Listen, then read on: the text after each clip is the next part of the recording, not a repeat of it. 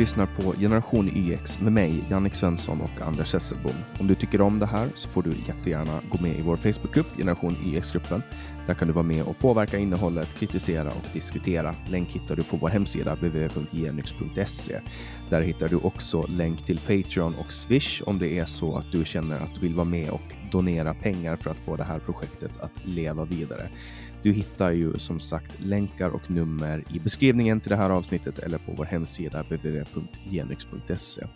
Vi släpper nya avsnitt alla fredagar året runt, eller hur Anders?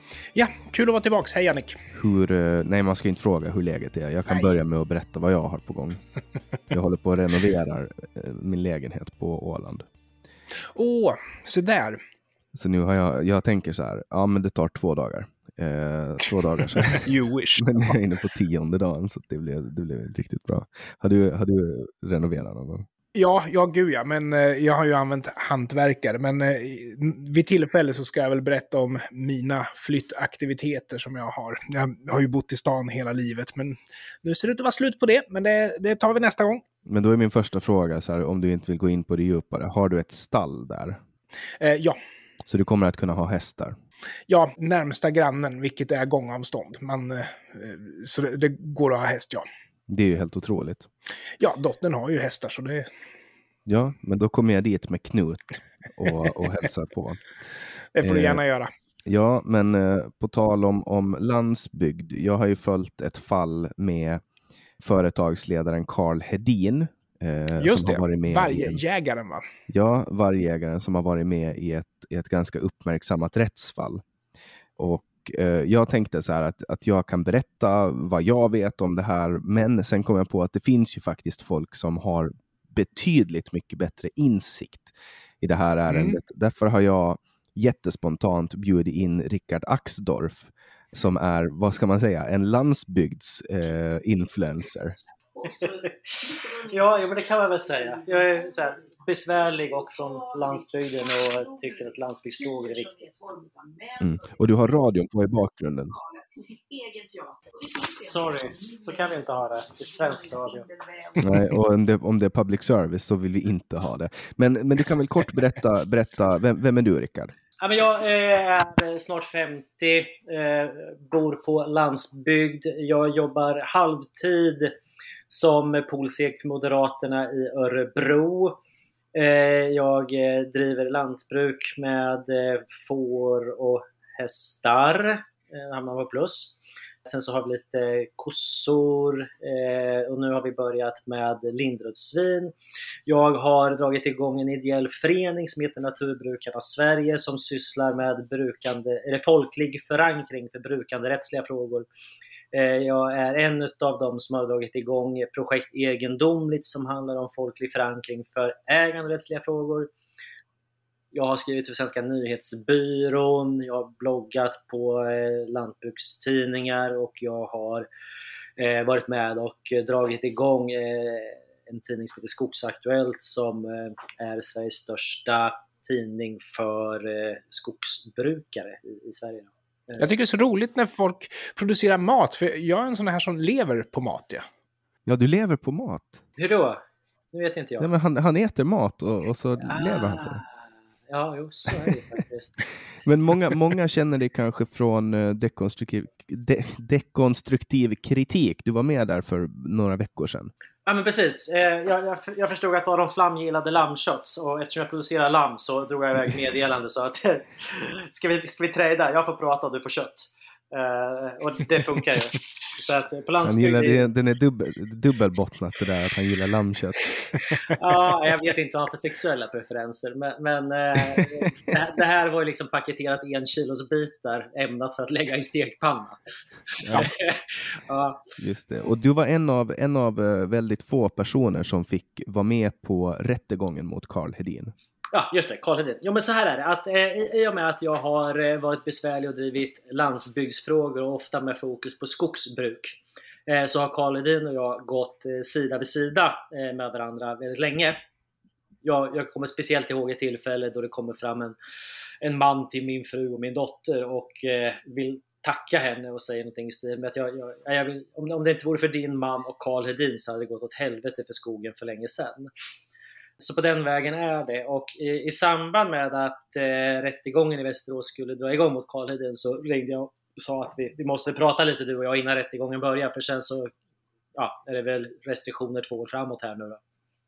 Och då visade det sig att eh, alltså det är ett demokratiproblem. Man vill inte, man har aktivt valt att eh, ha åhörare, civila åhörare i rättegång. Utan de enda som hade tillgång till rättegången live var 12 journalister och en anhörig per åtalad. Det började med att jag, jag mejlade iväg till Västerås tingsrätt och frågade vad fan håller ni på med? Ni får väl helt enkelt sända via någon annan tingsrätt. Det kan väl inte vara så svårt. Men då, då fattade man beslutet att nej, det ska vi inte göra. Och det här blir ett demokratiproblem för då är det bara journalister som skriver för någon som anställer dem och sen så de närmsta anhöriga som får tillgång till, till rättegången. Och så när, det, när sånt sker i andra länder då är det regel militärjuntor och sådär och då tycker vi inte om det. Eh, men här gick det bra då. Eh, så då slutade det med att Karl sa att eftersom han, både han som person och AB Karl Hedin eh, då var åtalad så hade han två platser. Och hade då en över. Och, tyckte väl att den, den kan du få Rickard, så jag kan nog behöva någon som skyddar min rygg om det händer något. Mm. Och vad var han åtalad för? Om vi börjar så då. Ja, åtalspunkterna är ju... Ja, det där är ju eh, rätt intressant. Det filosofiska svaret är ju att han är åtalad för att han är en vit man från landsbygden som är eh, populär. Han säger, han, han säger ifrån och ställer krav på att saker och ting ska funka på landsbygd. Och när man ger sig på honom så försvarar han sig skulle jag nog säga att han egentligen, så att egentligen handlar det liksom om att vi sätter åt honom så lär han sig hålla käften. Det är väl egentligen det han är åtalad för.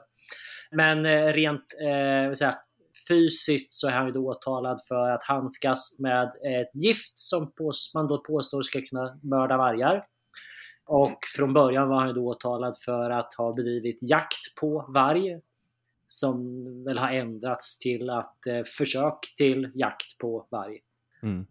Och det var ju, det var ju ganska, jag säger det med absolut eh, ironisk röst, det var ganska otroliga bevis man, man la fram mot honom i tingsrätten.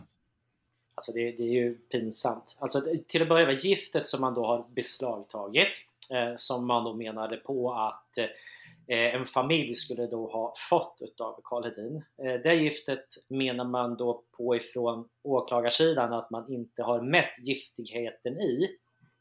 Det vill säga, det, det är samma ämne som man har i, i, i råttgift, eh, men man hävdar då att det är koncentrerat. Och när jag pratar med folk som gör sådana utredningar så får man ju alltid reda på vad det är för koncentration på gift. Det här är karbofuran och det har den här, eh, här halten av karbofuran i sig. Eh, så att min gissning är att det handlar inte om ett högpotent gift utan helt vanligt råttgift och om man då räknar om det så kanske man kan ta död på en varg om den väger sådär en 3-4 kilo någonting. Och det väger ju inte en varg. Nej, nej, så den åtalspunkten var helt larvig. Den, den, andra åtalspunkten var då att eh, eh, man, man, sitter och lyssnar av och eh, sen så säger Karl någonting som man tolkar som att nu, nu har de skjutit en varg. Man alltså avlyssnar? Man avlyssnar, ja. Är det alltså VHF, eller vad heter det, alltså radiokommunikation eller telefoner? Ja, det är, eh, när man lyfter fram beviset i, rätten så är det både telefon och eh, WhatsApp-samtal. Eh, man har alltså avlyssnat hans telefon? Ja, hans telefon och ett antal andras telefoner också. För att man misstänker att han jagar varg för att han är för vargjakt, rent politiskt? Eh, han, nej, inte för... Ja, alltså han, han, han, har synpunkter på rovdjurspolitiken. Det är för mycket vargar. Det finns vargar i var och varannan buske. Så är det liksom. Eh, och när, på landsbygden så vi, vi gillar ju att lösa de problem. Alltså, har vi ett problem så löser vi det. Kommer vi inte ut med bilen så skyfflar vi snö. Kör postbilen fast drar vi upp den. Det som händer med rovdjurspolitiken är att det är för mycket vargar men vi får inte lösa problemet. För det sätter reglerna Ja, men ni får väl sätta upp ett staket? Var? Runt era får. Okej, okay. vad ska vi mer sätta upp staket då? Runt husen, runt skogen? Nej, men de kommer väl inte in i huset? Jo, de, de har varit på, eh, uppe på eh, trappor, snott hundmat. Ja, men det kan ju lika gärna en tvättbjörn ha gjort, vet du. Ja, fast en tvätt, tvättbjörn väger inte 50 kilo. En tvätt... Alltså, och, och, det... och kan inte mörda en människa med, med sin käke.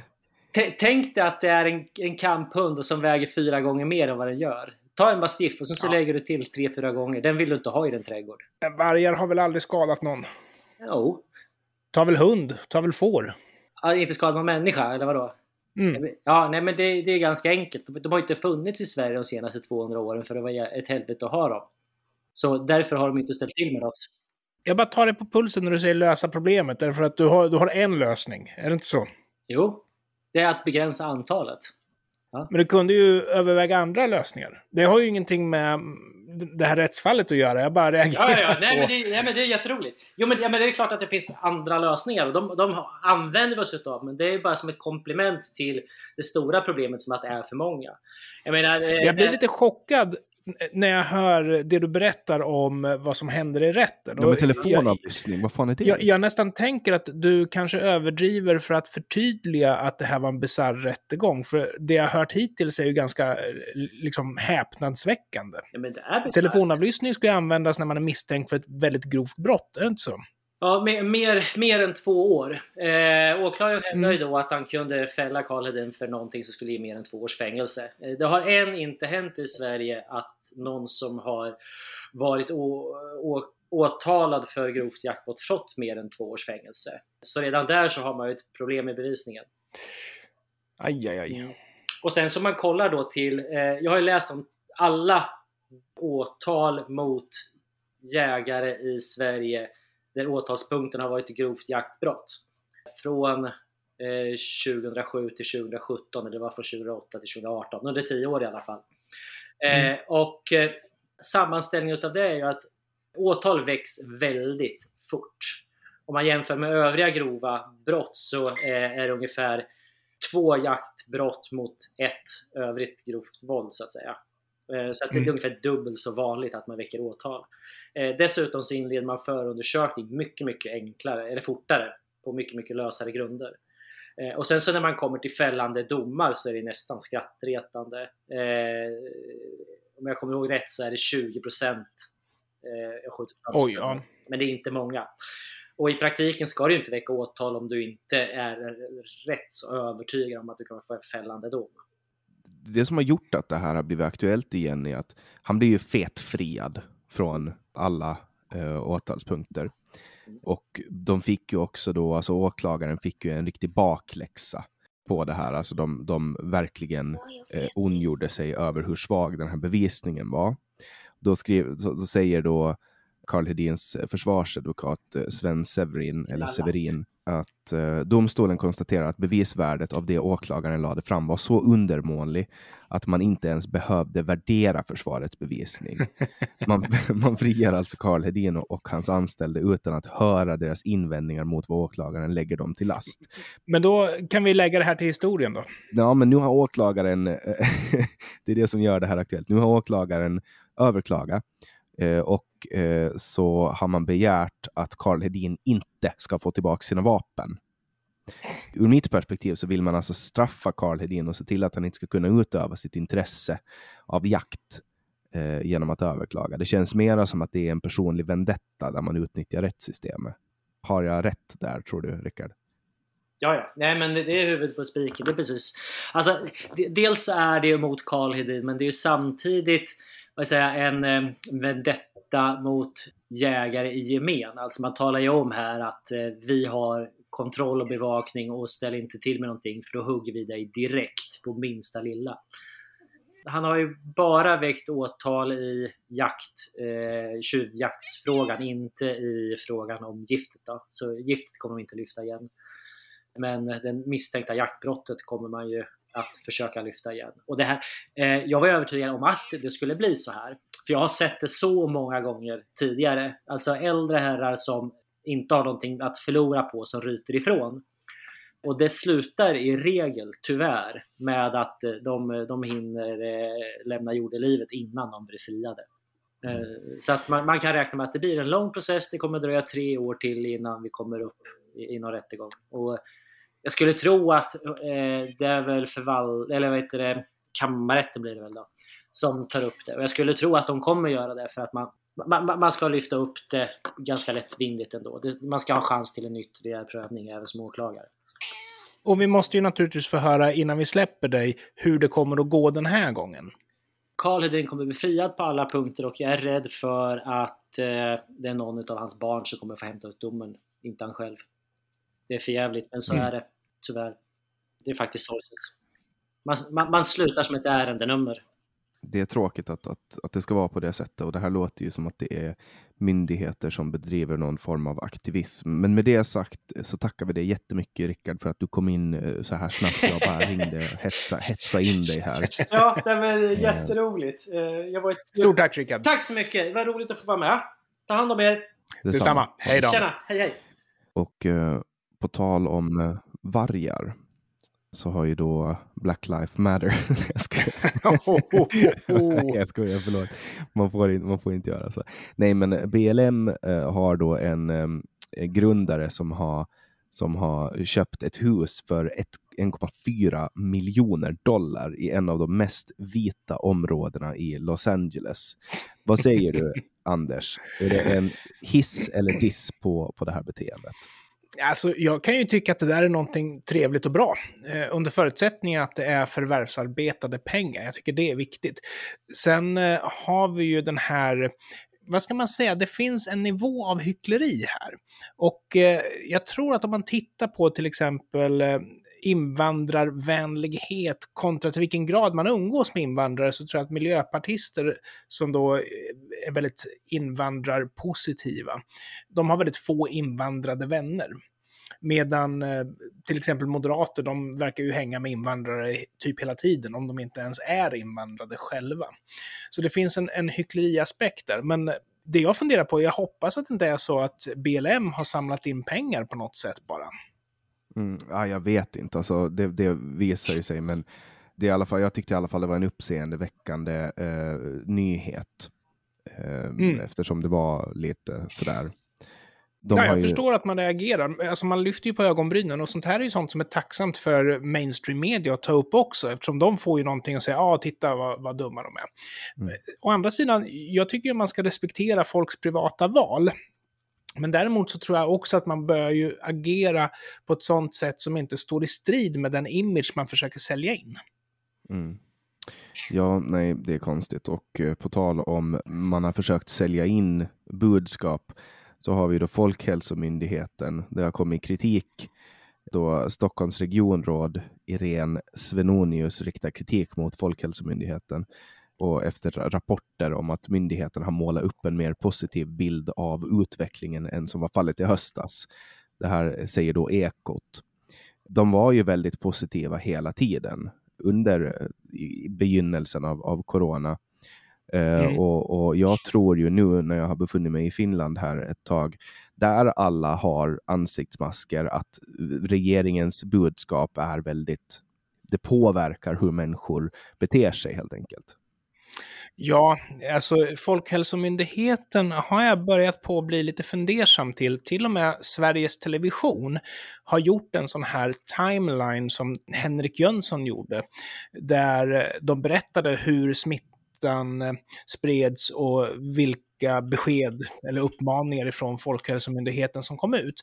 Och eh, till och med Sveriges Television, alltså SOSE-media, har ju varit kritiska mot Folkhälsomyndigheten här. Men det finns ju också, alltså ofelbarhetsdogmen vilar ju fortfarande tungt över Folkhälsomyndigheten, men det verkar bli färre och färre som tar den på allvar. Mm. Men det är fortfarande det här att folk blir kränkta. Och jag tycker man ser, speciellt hos, kanske inte de som är på yttersta vänster eller högerkanten, men däremot Jo, på högerkanten kan jag se det här att kritiserar man Jimmy Åkesson, då blir det ett jäkla liv. Men bland socialdemokrater så känner jag att liksom, är det någon som kritiserar Folkhälsomyndigheten, då blir det ett jäkla liv. Så vi hittar det där längst ut på högerkanten, men vi hittar det någonstans i mitten vänstern, just det här protektionistiska. Man är så rädd mm. för alternativa åsikter. Mm. Nej men så, alltså för att det var ju hela tiden från Sveriges regering eh, eller från Folkhälsomyndigheten att nej men det här, det här kommer att gå över, vi kommer att ha eh, den här, eh, vad pratar man om, flockimmuniteten och så vidare och det förnekar ja. Alltså, flockimmunitet var ju aldrig strategin, men däremot så... Enligt dem, ja. Ja, enligt dem. Och jag kan köpa det. Jag tror att flockimmuniteten var nog en, en liksom, ja, om vi inte får bukt på smittan så har vi åtminstone den. Någonting man kunde falla tillbaks på. Men däremot så, där är vi ju inte än. Och vi har ju fått en ordentlig smittspridning, men vi är ju inte där än. Nej. Så priset för den skulle ju ha varit för hög med tanke på att sjukdomen i vissa fall är faktiskt farlig. Ja. Jag har ju själv bekanta som har dött i den. Ja, det, är, det är så jävla vidrigt. Mm. Ehm, och det är ju också farligt. Ehm, det är många som är i riskzonen som man kanske inte tänker på. Men ehm, på tal om att, nej, det här, jag, har ingen bra, jag har ingen bra segway för det här, men så här. Eh, nu vill Morgan Johansson och regeringen göra det olagligt att förneka förintelsen. Då ställer jag mig själv frågan, mm. eh, kan man förbjuda idioti? Man, alltså, man kommer inte att få bort människor som förnekar förintelsen. Det här är ju bara, det här är ju bara du, rena dumheter. Jag tror att det finns länder som har sådana här lagar. Men jag, ja, Tyskland är väl ett exempel. Men jag är ju väldigt passionerad motståndare till att man ska reglera åsikter och påståenden i lag. Därför att eh, folkbildning och en allmän kunskapsspridning löser ju det här problemet. Det, det finns ingen som har läst om nazismen som förnekar förintelsen, så kunskap löser problemet. Och det är inte ens svårt att liksom bemöta de som förnekar förintelsen, därför att den är ju en väldigt väldokumenterad händelse. Men det andra aspekten av det här, det är ju att man ska inte ge staten makt. Om det är så att det är för lätt för en regering att ge staten makt, då kommer ju naturligtvis en illasinnad regering, när den tar makten, att utnyttja det. Och det var ju precis det som hände i Tyskland. Att man kan via demokrati införa diktatur genom att man ger staten verktyg för att göra den förändringen. Och det mm. här är ett sådant steg, så det här är mycket oroväckande. Sen ska vi ju aldrig glömma det faktum att genom att också förbjuda ifrågasättande och förnekande av förintelsen så ger man ju förintelseförnekande vatten på sin kvarn.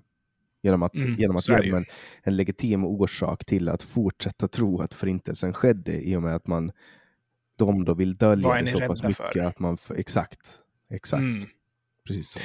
Men eh, vi vet ju om att den svenska regeringen är väl typ en av få som inte erkänner Turkiets folkmord på armenier i början på 1900-talet. Och jag menar, det är ju ingen som snackar om att vi ska göra det olagligt att inte erkänna det folkmordet, därför att då skulle ju den socialdemokratiska regeringen bli olaglig. Liksom. Och jag förstår inte vad man är rädd för där heller, för det är väl inte jättekontroversiellt att Turkiet var galningar för hundra år sedan. Jag menar, för hundra år sedan så... fortfarande då? ja, vi har... Jo, det får man väl nästan säga. Men jag menar, för hundra år sedan så hämtade de ju fortfarande vita slavar ifrån Sverige.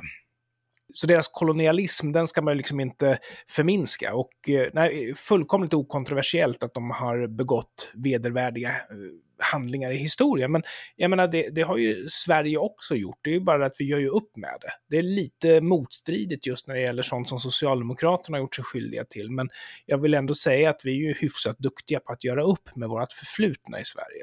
Och jag förstår inte varför man inte kan ställa det kravet på Turkiet. Mm man rensar inte i de egna leden så att säga. Men en, eh, på tal om nazister. Eh, alltså Svenska Akademin har stämt Nordiska mm. motståndsrörelsen och Nordfront. Eh, på grund av att de då har publicerat dikter från Esaias Tegnér, bland annat då Verner von Heidenstam och Viktor Rydberg. Mm. Eh, och, och, det tyckte de då att, att, att var dåligt. Eh, ja, men jag kan förstå det, därför att du har ju ett ansvar att skydda en upphovsmans, eh, vad ska man säga, heder. Även om eh, de här texterna är public domain så får du ju liksom inte dra dem i smutsen hur mycket som helst. Det är ju inte säkert att de vill bli publicerade av Nordiska motståndsrörelsen. Så jag, jag kan förstå att Svenska Akademin reagerar på en sån sak, ja. Mm. Men eh, domstolen kommer med sitt utlåtande där de säger det finns enligt domstolen inte någon något som talar för att klassikerskyddet är avsett att omfatta den situationen att ett verk återges i ett oförändrat skick men i ett sammanhang som framstår som stötande. Nej. Och, Mm. och här är då det första gången som man har prövat klassikerskyddet i domstol, eh, trots att då den här lagen har, har funnits sedan 1960. Ja, men det är lite roligt på, på ett sätt att, eller inte roligt, det är ironiskt att Svenska Mm. Akademin nu ska ersätta Nordfront och NMR med, med alltså, här, lyssna på det här, 690 000 respektive 800 000 kronor i Mm. rättegångskostnader. De visste väl vad de gjorde förmodar jag och det är väl skattepengar som finansierar Svenska Akademin. Så det är väl eh, tack vare dem som man förflyttar välfärdspengar till nazister. Då. Exakt.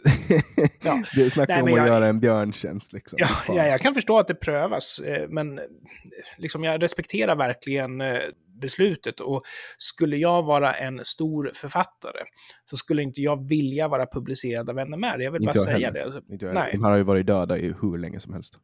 Ja, Hur länge som helst. Så att det, det skulle vara annat om det var en, en eh, levande författare. eller att det fanns levande nära anhöriga som inte vill se sin släkting i det sammanhanget. Men eh, nu är det ju prövat och det får man ju respektera. Mm. Ja, jag tycker det är tråkigt att de ska behöva ersätta. Det skulle ha varit kul om nazisterna förlorar, för då skulle de fått betala de där pengarna istället. Ja, Eh, men eh, nu blev det inte så. det är Eh, rättegångskostnader vi pratar om, eller? Ja. Ja, spelar ingen roll, men förmodligen ja. Man har hittat fyra lamm och en tacka döda. Efter att man har herrejösses. förgiftat djurens dricksvatten på 4H-klubben i Tensta. På en 4H-klubb dessutom. Eh, Alltså, det är någonting med djur som... För jag menar, förr så hade vi igelkottar i Örebro. Och de kunde man hitta spetsade eller på annat sätt ihjäl, torterade lite varstans. Och eh, det är ju en ras som inte är speciellt duktig på att föra sina gener vidare och nu har de mer eller mindre försvunnit. Så nu har det börjat dyka upp harar istället. Och jag menar, det är inte självdöda djur, för en hare som är på väg att dö, den vet ju inte om att den ska dö. Den tror ju att den behöver vila, så den kryper ju in i ett buskage eller den gömmer sig eller något sånt där. Men ligger det liksom i vägrenen en död hare, då vet man att det är djurplågeri på gång. Liksom. Och här pratar vi alltså om lamm i Tensta. Vem är det som har någonting emot lamm då? Jag vet inte, men, men Järvaområdet är ju ett av, eller det är det mest utsatta området i hela Sverige. Och eh, den här 4H-gården ligger intill en lekpark mitt i bland då miljonprojektshusen. Eh, Ja, en uppen- lekpark dessutom. Det är ju jättefint att de kan ha tillgång till husdjur. Mm. Men det är någon som uppenbarligen inte tycker om, om de här lammen och det är fruktansvärt att man nu behöver dygnet runt bevakning på alla fyra gårdar som finns i Stockholm. Dygnet runt alltså. Lite empati hade varit på sin plats skulle jag säga. Ja, jag vet inte, jag, jag har aldrig hört om, om, om något liknande. Ja, jag har ju tyvärr det och det, det är liksom inte roligt. Och jag vet inte om det är så. Alltså, det här med att handskas med djur och att kunna förstå att djur faktiskt är levande varelser man måste respektera. Det, det var ju en ganska stor del av låg och mellanstadieundervisningen. Så jag, jag menar, har man gått igenom det där? Och jag menar, de flesta de kommer ju till den slutsatsen ändå, därför att de är empatiska människor som kan se att djur och andra människor reagerar på deras agerande. Väldigt positivt om man gör någonting bra, väldigt negativt om man gör något dåligt. Så egentligen så skulle det inte behövas, men uppenbarligen är det väl så att inte alla har en empatisk förmåga naturligt. Så jag tycker det är hemskt konstigt, för vi har ju alla sinnen för att registrera effekterna av våra handlingar. Nej, igelkotten vill förmodligen inte bli spetsad. Liksom. Nej, men jag, jag, jag har aldrig hört om spetsning av igelkottar, men jag har hört att man, att, att, att man har spelat fotboll med igelkottar. Ja, och det sista jag såg det var när jag var i Vivalla. eh, Där det var en igelkott ute och gick på en bilväg. Och, eh, på vägrenen. Och eh, bilisten som kom i sin BMW där, han svängde ut på vägrenen för att träffa igelkotten och sprätt. Och sen så kör han vidare. Men det är så sjukt. Alltså, ja, Jag förstår inte, hur, hur kan en människa göra något sånt? nej, jag, jag förstår inte heller. Det är... Det måste vara en viss sorts människor som vi har alldeles för mycket av här. Alltså någon empati-gen som har gått förlorad någonstans i evolutionen. Människor som inte borde finnas. Ja, på tal om eh, noll empati så har vi ju då eh, public service som vi inte kan utelämna från Nej, det går inte. Vi måste ju vara en av Sveriges mest public service-kritiska poddar. Skulle inte Aron Flams podd kunna tävla? Nej, vi tar upp det 17 Vi tar- varenda avsnitt Ja, nästan, så vi vinner nog. Ja. Ja. Det, alltså, Ekot Radio Sweden har lanserat en ny podcast på arabiska. Den kommer att Ja, publiceras varje bra. fredag. Och den ska fördjupa Mm. sig i ämnen som svensk politik, debatt, integrationsfrågor, brott och kultur. Det är ju jättebra, för det är väldigt många som pratar arabiska som inte pratar svenska i eh, Sverige. Problemet är väl kanske att den blir ju svår att granska för oss eh, utomstående. Och vi behöver ju inte backa jättemånga år förrän Socialdemokraterna levererade valmaterial på arabiska som gick ut på att om Moderaterna vinner valet så kommer vi ta era barn och såna här saker. Så eh, det blir ju väldigt svårt för mig att granska Sveriges Radios arbete om det inte är tillgängligt på svenska. Så av den anledningen är det ju dåligt. Det vore ju bättre om vi la de här resurserna på att säkerställa att araber kan tillgodogöra sig svenskt material, antingen via översättning eller genom kurser eller vad det nu kan vara för någonting. Det måste vara bättre än att man sänder direkt på arabiska till dem. Ja, alltså jag tänker ju att det här är ju ändå, alltså i Finland och så i synnerhet på Åland så är det en ganska känslig fråga det här med språk. Vi har ju Mm. två officiella språk och allting ska gå på de officiella språken. Därför reagerar reagerar jag i min värld på att wow shit, nu pratar man om, om att ha en arabisk podcast. Jag tänker att, att Sveriges Mm. Radio ska väl producera saker på svenska. Jag tycker inte ens Alltså- att Sveriges Radio ska producera saker på engelska förutsatt att det inte finns ett jättetydligt internationellt intresse av det här så att nyhetsredaktioner som kanske vill hänvisa till det här inte ska behöva översätta det själva. Jag vet inte vad Radio Sweden sänder på för språk, men BBC, de, deras internationella nyheter går ju på engelska, så de anpassar sig ju inte. Men det kan ju bero på att engelska talas av så oerhört många mer. Sen har ju vi flera officiella språk i Sverige. Samiska är väl ett exempel. Men eh, alltså, Sen finns det ju några man- erkända språkminoriteter, finska till exempel. Ja. Det kommer ju nyheter på finska. Ja, precis. Och vi hade ju också faktiskt eh, serbokratiska nyheter när jag växte upp. Och det var inga, inga konstigheter. Men då var det textat på svenska så att alla kunde liksom hänga med i vad som hände här. Det var, det var liksom inte så att man mörkade någonting, utan var det nyheter på serbokroatiska så var det översatt till svenska så att alla kunde hänga med. Det här känns ju som att man vill runda medelsvenssons förmåga att ta till sig av det. Och det är uppenbarligen så att man går på antal språktalande. För igen, vi har väldigt många i Sverige som inte kan svenska men som kan arabiska. Men det är ju inte ett officiellt språk så som till exempel samiskan är. Ja, jag vet inte, det var länge sedan jag hörde nyheter på samiska så det måste ju vara blotta antalen som räknas antar jag. Väljarbasen. Ja, välja basen från regimmedias eh, intressegrupper såklart. Eh, och sen har vi också då, förutom att vi älskar att trasha public service, så är vi ju också väldigt hårda mot vad vi anser om mediestöd. Och nu har Ja. Tidningsutgivarnas styrelse sagt att de, de vill helt enkelt lägga ner pressstödet. Och, och reformera det på ett sådant sätt då att de reducerar arbetsavgift för journalister och sådana saker.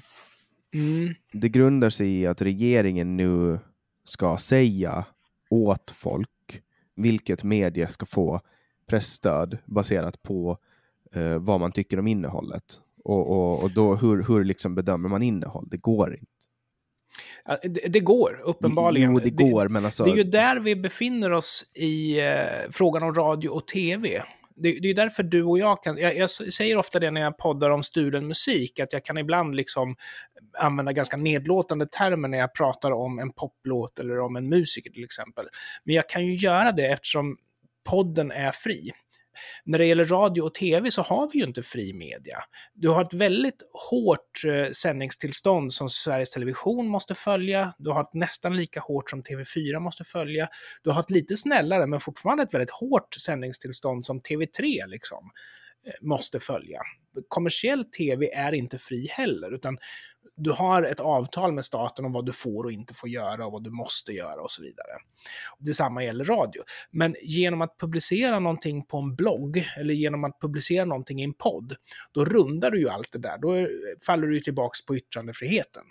Men yttrandefrihet råder ju inte i radio och tv.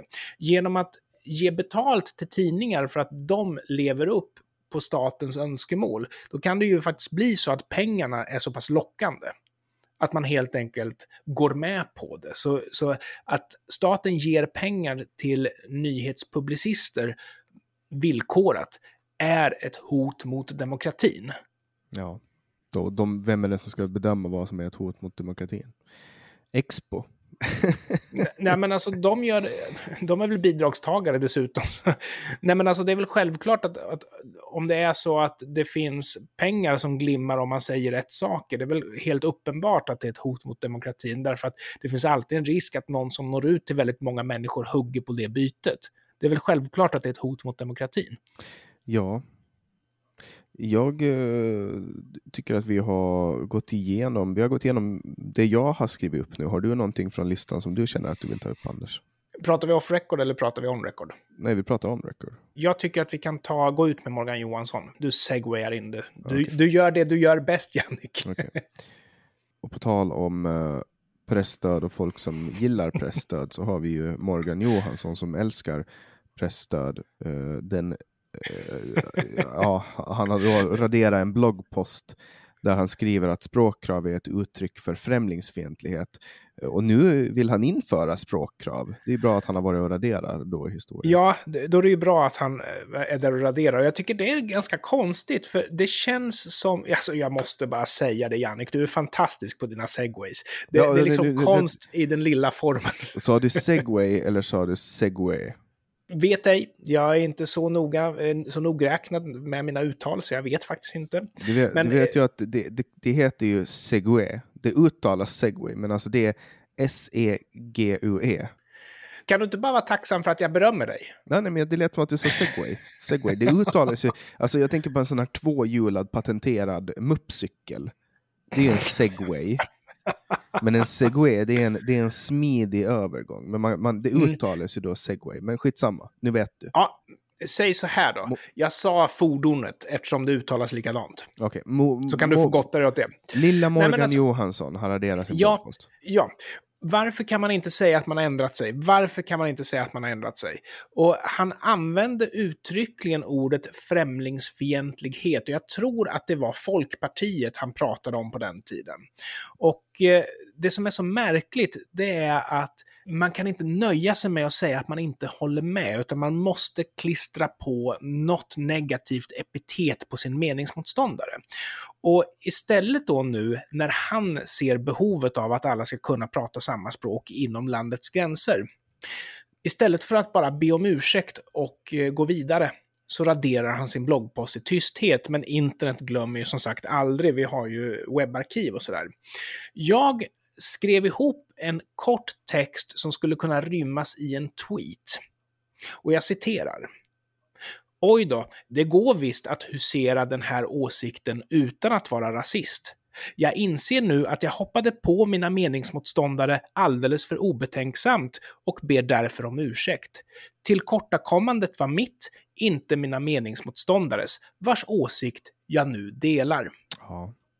Men det mm. kommer nog aldrig att hända, Nej, Morgan det är, Johansson. det är en utopi. Det där är det som kallas som en utopi. Och du vet ju det här, vet du det här brottas eh, med gris? Har du hört det här om att brottas med en gris?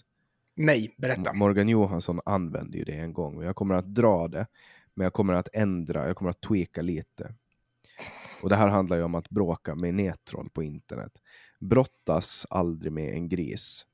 Ni båda blir smutsiga, men Morgan Johansson tycker att det är roligt. Egentligen så är det men grisen tycker att det är roligt. Men jag tänkte att det var ganska kul för att det var Morgan Johansson som, som använde, han tog det här någon gång och twittrade ut det. Jag tyckte vi har gjort ett fint avsnitt den här gången. Mm. Men det är så man, det är så man eh, bemöter nättroll, alltså brottas aldrig med en gris. Båda blir smutsiga, men grisen tycker att det är roligt. Och det, det, det är, så, det är mycket nättroll och sånt på, på Clubhouse som, som jag nu är extremt beroende av. Och du är ju där och tittar ibland du också, Anders.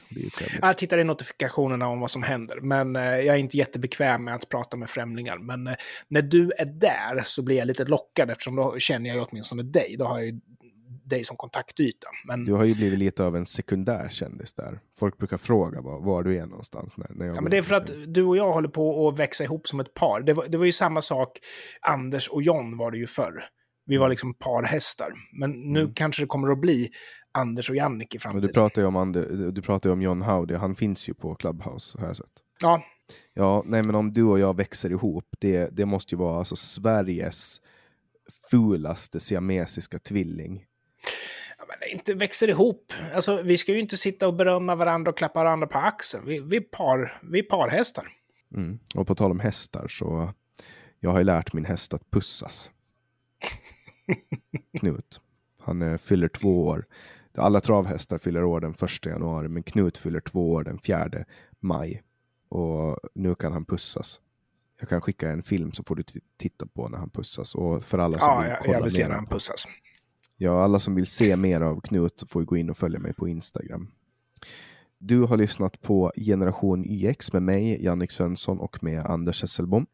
Och du får ju som sagt jättegärna stödja det här projektet genom att skicka lite para till oss. Det kan du göra på patreon.com genyx eller genom att swisha till mitt nummer.